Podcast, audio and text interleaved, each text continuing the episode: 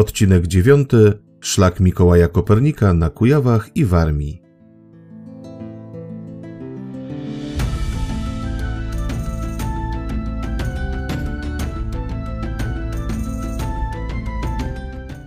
Co Kopernik zawdzięcza hanzatyckim kupcom? Co wspólnego ma astronom ze świętym Walentym? Jak młody Mikołaj spłacał kredyt studencki? Czy Kopernik faktycznie dowodził obroną zamku w Olsztynie? O czym mówi prawo Kopernika, gdzie uczony umawiał się na schadzki? I czy doczekał publikacji swego największego dzieła? Odpowiedzi na te pytania usłyszycie w czasie naszej dzisiejszej wycieczki szlakiem Kopernika, podczas której odwiedzimy najważniejsze miejsca związane z naszym najbardziej znanym naukowcem na Kujawach i Warmii.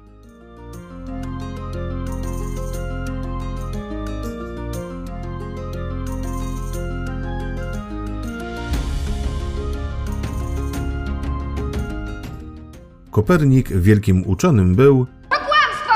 Kopernik była kobietą!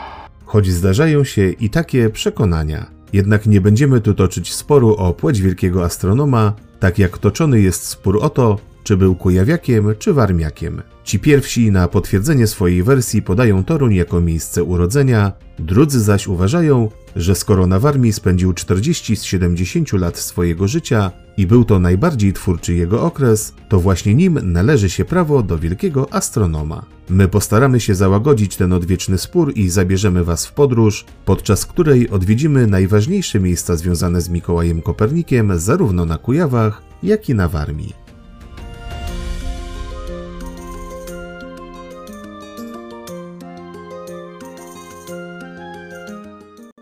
Toruń, tu się wszystko zaczęło.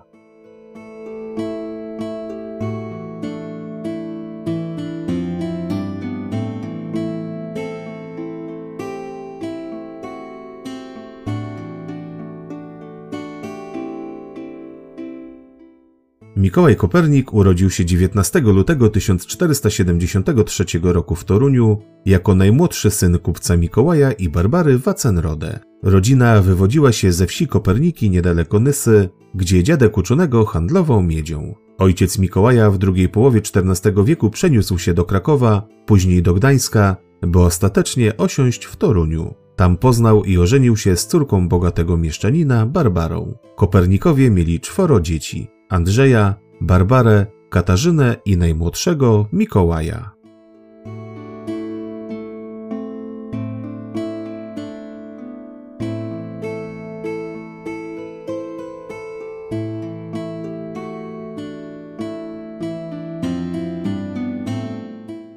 To właśnie Toruń jako miasto handlowe, do którego przybywali kupcy z różnych stron świata, ukształtował osobowość młodego Mikołaja. Toruń jako jedno z najważniejszych miast należących do Hanzy był wówczas ośrodkiem wyjątkowo bogatym, a podstawowym źródłem dochodów był przede wszystkim handel. Kupcy przymierzający Europę w interesach spotykali się z osiągnięciami gospodarczymi i kulturalnymi, które uważnie obserwowali i chętnie dzielili się nimi w czasie wieczornych rozmów przy wytwornych trunkach. Często gościli także w domu Koperników, gdzie rozmowom przysłuchiwał się młody Mikołaj, rozbudzając tym samym swoją ciekawość.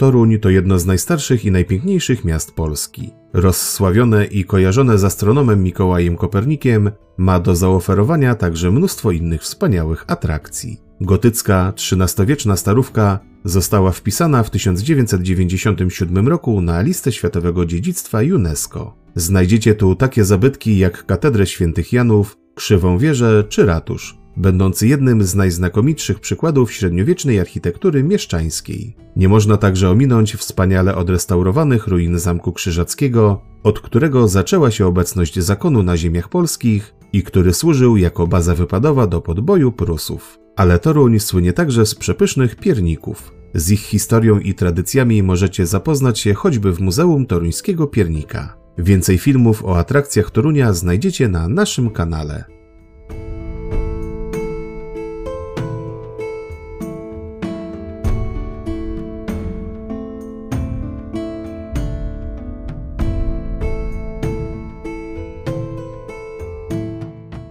Dobrobyt i zamożność Torunia zapewniały rozwój szkolnictwa i nauki oraz tworzyły korzystny klimat dla szerzenia się wiedzy. W takich właśnie sprzyjających warunkach edukację rozpoczął Kopernik w szkole miejskiej przy kościele świętych Janów. Odznaczała się ona wysokim poziomem nauczania, dysponując gronem wybitnych profesorów oraz bogatym księgozbiorem, w tym dziełami z zakresu astronomii i astrologii. To właśnie wtedy Mikołaj zainteresował się naukami ścisłymi. Nie ma pewności, czy Kopernik uczęszczał do toruńskiej szkoły do 15 czy 18 roku życia. Duża część historyków skłania się do tego, że te trzy sporne lata spędził w Akademii Chełmińskiej.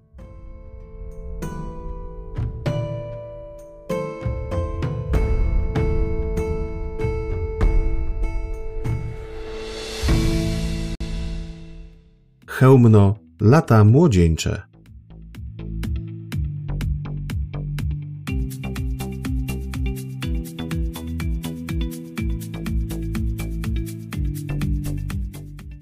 Po śmierci ojca opiekę nad Kopernikiem objął jego wujek, kanonik warmiński Łukasz Wacenrode, który zapisał go do szkoły wyższej, jaką była najprawdopodobniej Akademia Chełmińska. Był tu gruntownie przysposobiany do podjęcia nauki w najwyższej polskiej uczelni, jaką była Akademia Krakowska. W klasztorze benedyktynek w Chełmnie przebywały także jego ciotka i siostra, które baczyły, aby na przeznaczonego do stanu duchownego Mikołaja nie spoglądały zbyt życzliwie kobiece oczy.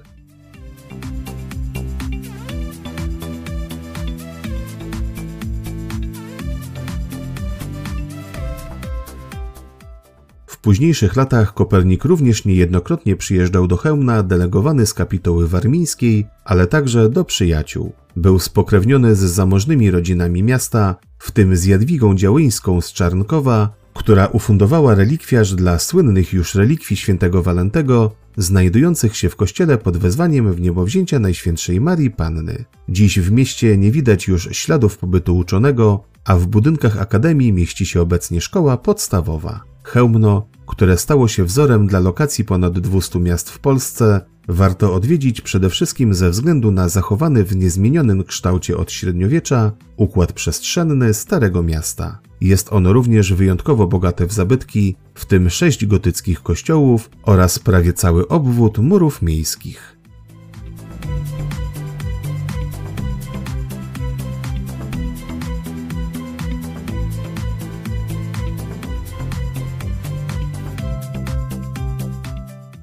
Po zakończeniu nauki w Chełmnie Kopernik wyjechał do Krakowa, gdzie studiował na Wydziale Sztuk Wyzwolonych Akademii Krakowskiej w epoce największego rozkwitu krakowskiej szkoły astronomicznej. Następnie kontynuował naukę we włoskich uczelniach w Bolonii, Padwie i Ferrarze, studiując prawo kanoniczne i medycynę. We Włoszech Kopernik prowadził także pierwsze samodzielne obserwacje astronomiczne.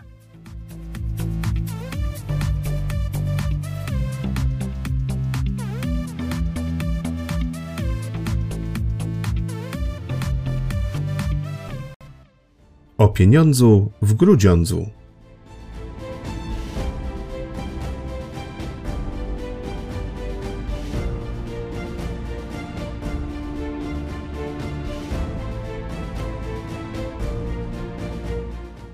Ostatnim na naszej liście miastem na Kujawach związanym z wielkim astronomem jest Grudziądz. Te piękne miasto znajdujące się na europejskim szlaku gotyku ceglanego znane jest szerokiej publiczności przede wszystkim z ułanów, którzy według słynnej przyśpiewki mieli d jak z mosiądza. Jednak już we wcześniejszych latach, kiedy grudziąckie spichlerze pełne jeszcze były zboża i innych luksusowych dóbr, a miasto wraz z zamkiem cieszyło się powrotem do Polski, odwiedził je także Mikołaj Kopernik.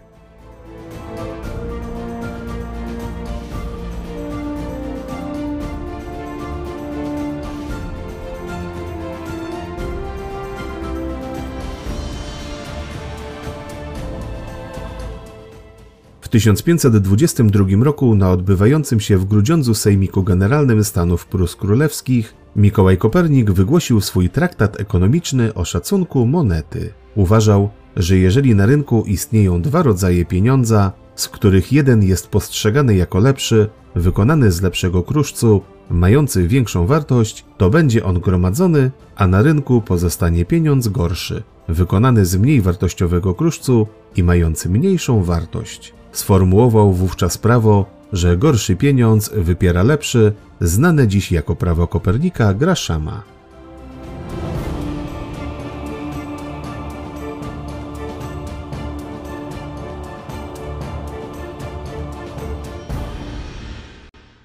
Początki kariery w Lidzbarku Warmińskim.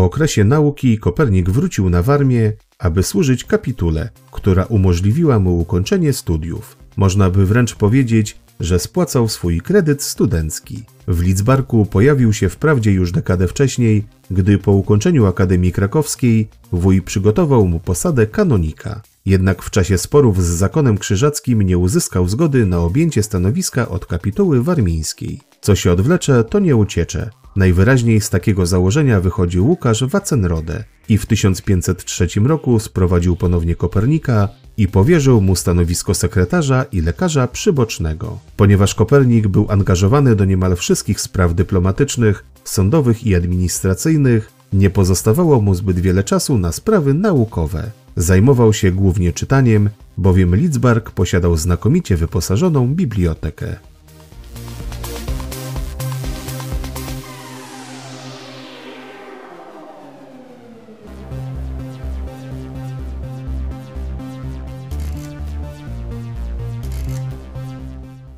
Kapituła warmińska była kolegium duchownych prałatów i kanoników, ustanowiona w celu uświetnienia kultu w kościele katolickim. Miała ona szerokie uprawnienia, wybierała m.in. biskupa i służyła pomocą w zarządzaniu diecezją. Dochody czerpała z dóbr stanowiących jedną trzecią Warmii. Kopernik pełnił w niej różne funkcje. Był kanclerzem, wizytatorem, przełożonym kasy aprowizacyjnej, administratorem dóbr czy opiekunem stołu kapituły. Wydawałoby się patrząc po tej liście, że robił niesamowitą karierę i szybko awansował. Nic bardziej mylnego. Kanonicy sprawowali swe funkcje kadencyjnie i zmieniali się na nich w zamkniętym gronie. Kopernik nie był także specjalnie zainteresowany karierą, wolał oddawać się pracy naukowej, choć swoje funkcje sprawował sumiennie i dokładnie.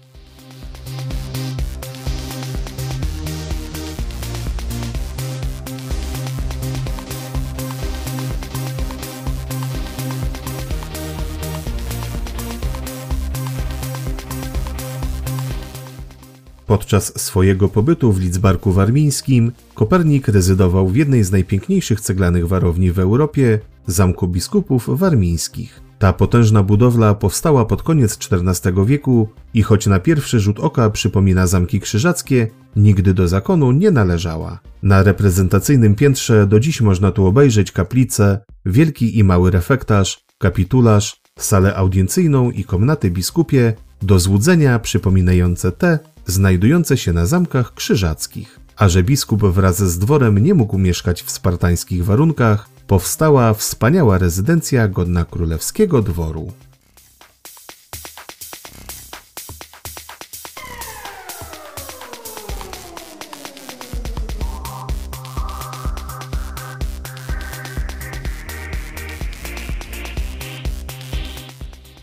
1507 roku Mikołaj doczekał się oficjalnej delegacji na stanowisko lekarza biskupiego, za które to otrzymywał stosowną pensję. Jako doktor prawa towarzyszył także wujowi w sprawach administracyjnych, brał udział w zjazdach stanów pruskich oraz poznawał życie dworskie. Rozpoczął także poważniejszą obserwację nieba, która doprowadziła do powstania zarysów teorii heliocentrycznej, opublikowanej później pod tytułem Komentarzyk o hipotezach ruchów niebieskich. Po tym okresie życia astronoma pozostała na zamku osobliwa pamiątka w postaci wydrapanego na ścianie modelu układu słonecznego.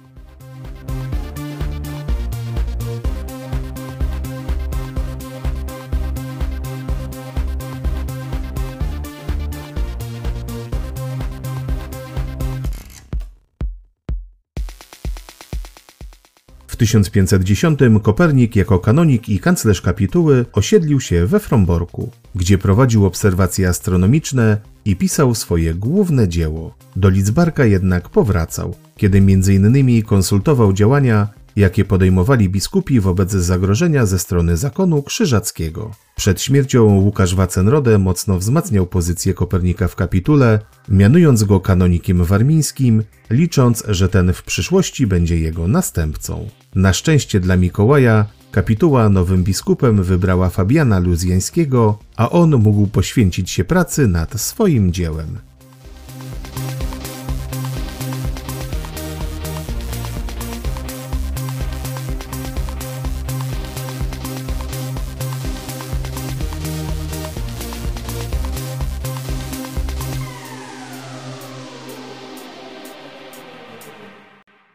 Olsztyn, Krzyżacy i Kanapka.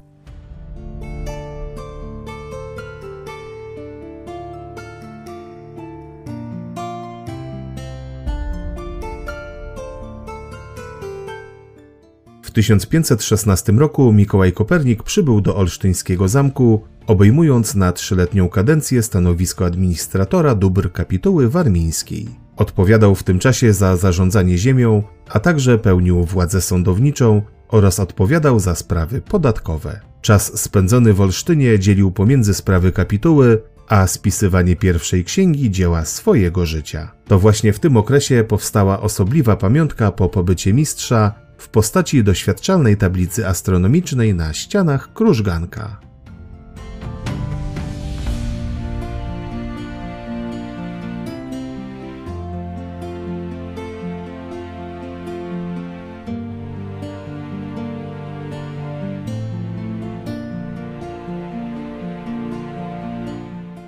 Tablica na olsztyńskim zamku jest jedynym na świecie zachowanym instrumentem astronomicznym wykonanym i użytkowanym przez Mikołaja Kopernika. Co pięć dni pomiędzy styczniem a kwietniem 1517 roku astronom zaznaczał czerwoną farbą ślad drogi Słońca w ciągu dnia, określając moment równonocy wiosennej na 21 marca. Czarne linie domalowano kilkadziesiąt lat po śmierci Kopernika, próbując przerobić tablicę na zegar słoneczny.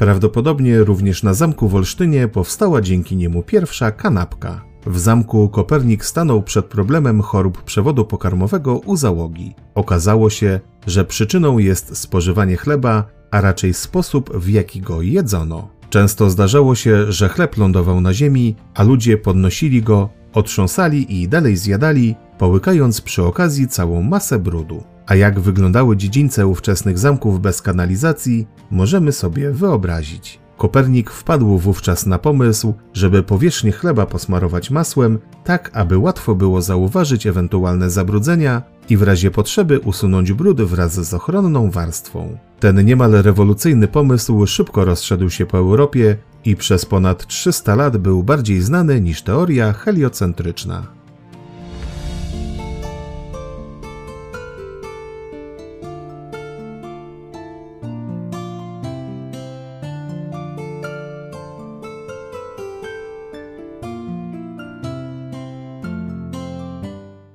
Kopernik na zamku w Olsztynie pojawił się jeszcze raz w 1520 roku, kiedy to podczas ostatniej wojny z zakonem krzyżackim zmuszony był do ucieczki z Fromborka. Szukając schronienia, ponownie został administratorem dóbr kapituły, tym razem na krótszy, bo niespełna dwuletni okres i tym razem wpisał się w historię warowni, gdy skutecznymi manewrami politycznymi doprowadził do ściągnięcia na pomoc w obronie warowni żołnierzy króla polskiego i miasta Elbląga. Wskutek tych zakulisowych działań wielki mistrz krzyżacki Albrecht Hohenzollern nie odważył się zaatakować warowni. Jako wizytator pojawiał się tu jeszcze kilkukrotnie w kolejnych latach. Dziś na zamku kapituły warmińskiej znajduje się Muzeum Warmii i Mazur, ze stałą wystawą poświęconą wielkiemu polskiemu astronomowi. Odwiedzając Olsztyn, pamiętajcie, że w mieście jest także dużo innych zabytków z różnych epok, które warto zobaczyć.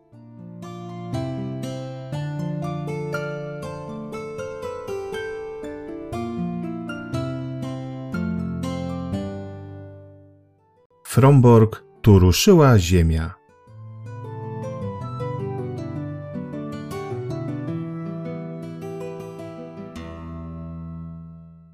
Po raz pierwszy do Fromborka Kopernik przeniósł się w 1510 roku po konflikcie ze swoim wujem, gdy odmówił przyjęcia stanu duchownego. Pracował tu jako kanclerz kapituły oraz prowadził obserwacje astronomiczne i pisał tezy do swojego głównego dzieła. Fromborg stał się siedzibą kapituły w 1278 roku. Na naturalnym obronnym wzgórzu wzniesiono katedrę, którą w XV wieku otoczono wysokimi murami. Na sąsiednich wzgórzach stanęły domy kanoników i właśnie w jednym z nich zamieszkał Kopernik.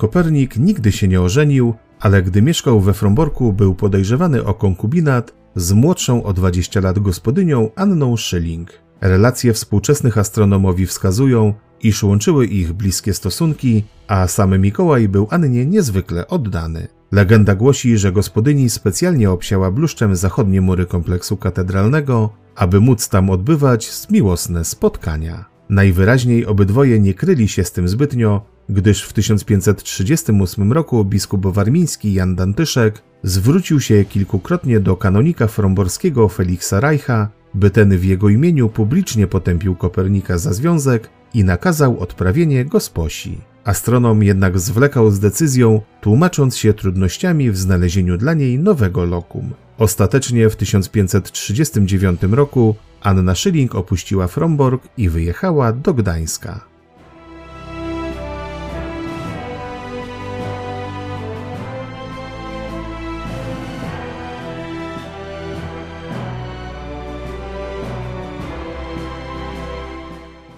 W 1533 roku do Rzymu dotarły wiadomości o uczonym głoszącym nowy system budowy świata. Przedstawiono je papieżowi Klemensowi VII, który odniósł się do nich z dużym zainteresowaniem. W końcu 1536 roku kardynał Mikołaj Schirning wysłał list do Kopernika z prośbą, aby przedstawił on swoje dzieło wraz z tablicami. Kopernik jednak tego nie uczynił, zwlekał również z oddaniem pracy do druku i dzieło leżałoby nadal w ukryciu, gdyby nie przybył do Fromborka, zwabiony niezwykłością teorii Kopernika, młody profesor matematyki Uniwersytetu w Wittenberdze. Jerzy Retyk gorliwie studiował dzieło, które zresztą Kopernik ciągle przerabiał, korzystając z ksiąg przywiezionych przez profesora.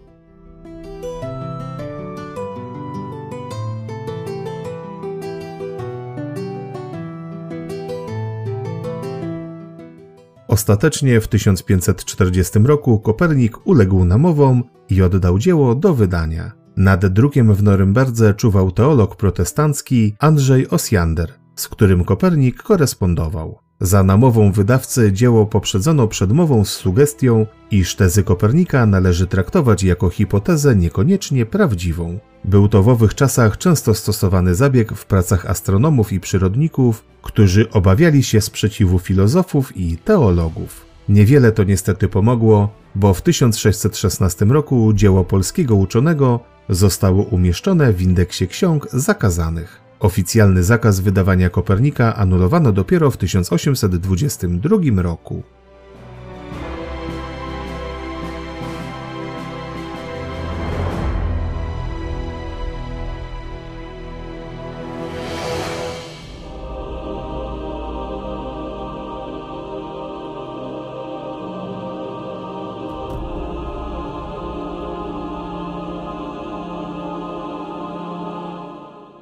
Astronom zmarł we Fromborku w 1543 roku na skutek wylewu krwi do mózgu i paraliżu prawego boku. Legenda głosi, iż w ostatnich dniach życia zdołał dotknąć świeżo wydrukowanego dzieła, które ledwo co dotarło z Norymbergi. Pochowany został w katedrze fromborskiej w krypcie przy jednym z bocznych ołtarzy należących do jego kapituły. W XVIII wieku pojawiła się dość mocno rozpowszechniana wiadomość, że Kopernik urodził się i zmarł w Toruniu. Wszelkie wątpliwości rozwiały badania przeprowadzone w katedrze w 2005 roku, kiedy to na podstawie odnalezionej czaszki zrekonstruowano wygląd twarzy zmarłego, która okazała się bardzo podobna do znanych portretów astronoma. Potwierdziły to także badania DNA przeprowadzone z włosami odkrytymi w księgach Kopernika, przechowywanych obecnie w Szwecji. W 2010 roku uhonorowano astronoma okazałym epitafium w miejscu jego pochówku.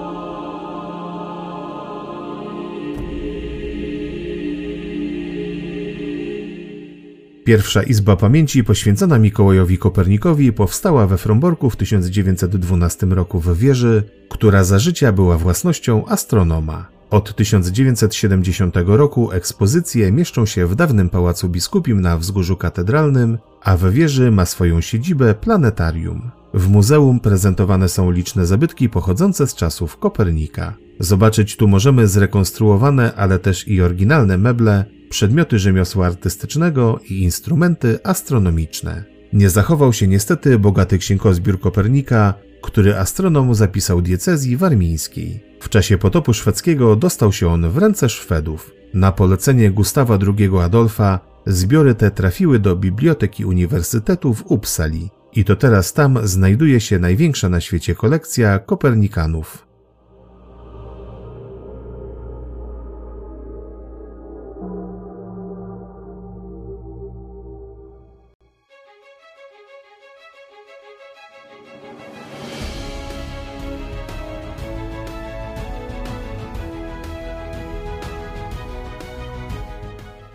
To już koniec naszej dzisiejszej opowieści. Przypominamy, że wszystkie atrakcje, o których tu dziś słyszeliście, możecie obejrzeć na naszym kanale Razem w Polskę na YouTube oraz przeczytać o nich w serwisie wypoczywamywpolsce.pl. Zapraszamy na kolejne nasze podcasty.